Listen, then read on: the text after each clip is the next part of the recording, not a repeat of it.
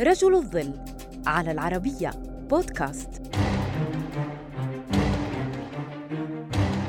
إنه رجل عادي لكن ما يتدفق في عروقه ينقذ الأطفال من الموت. جيمس هاريسون لم يكل أو يمل طوال 63 عاما من تقديم ذراعه لسحب الدم منها وتقديمها لإنقاذ الأطفال وهم في بطون أمهاتهم. فظل يتبرع بالدم بانتظام. هذا العطاء جعل من جيمس هاريسون الرجل ذا الذراع الذهبيه بدأت قصة هاريسون وهو في الرابعة عشرة من عمره بعدما خضع لعملية جراحية خطيرة بالصدر. تطلبت حصوله على ثلاثة عشرة لترا من دماء المتبرعين. بقي هاريسون بعدها في المستشفى ثلاثة أشهر. وأدرك أن الدم الذي تلقاه قد أنقذ حياته وتعهد بأن يتبرع بدمه بانتظام عندما يتم الثامنة عشرة من عمره.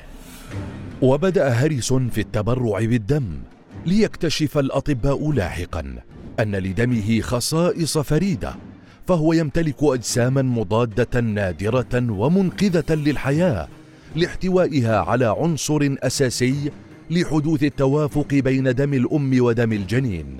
اسمه انتي دي فعدم توافق دم الأم والجنين كان السبب في آلاف حالات الإجهاض للنساء الحوامل في أستراليا تحديدا إضافة إلى ارتفاع أعداد المواليد الذين يعانون مشكلات في الدماغ. ليصنف بعدها دم جيمس هاريسون بالنادر والمميز والمنقذ. أسهم العنصر المضاد الموجود في دم جيمس هاريسون في إحداث ثورة في مجال الطب مكنت الخبراء من تطوير حقنة الانتي دي وأصبحت تعطى للنساء الحوامل اللواتي قد يؤثر دمهن على الجنين ويوقف التهديد الذي يطال حياته. وتم إصدار أكثر من ثلاثة ملايين جرعة من انتي دي تحتوي على دم جيمس هاريسون.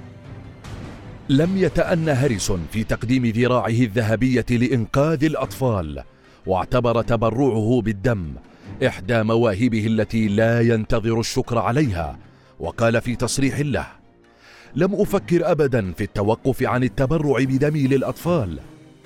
وفي دعوته للناس للتبرع بدمائهم قال ساعة واحدة من وقتك هي عمر لشخص آخر.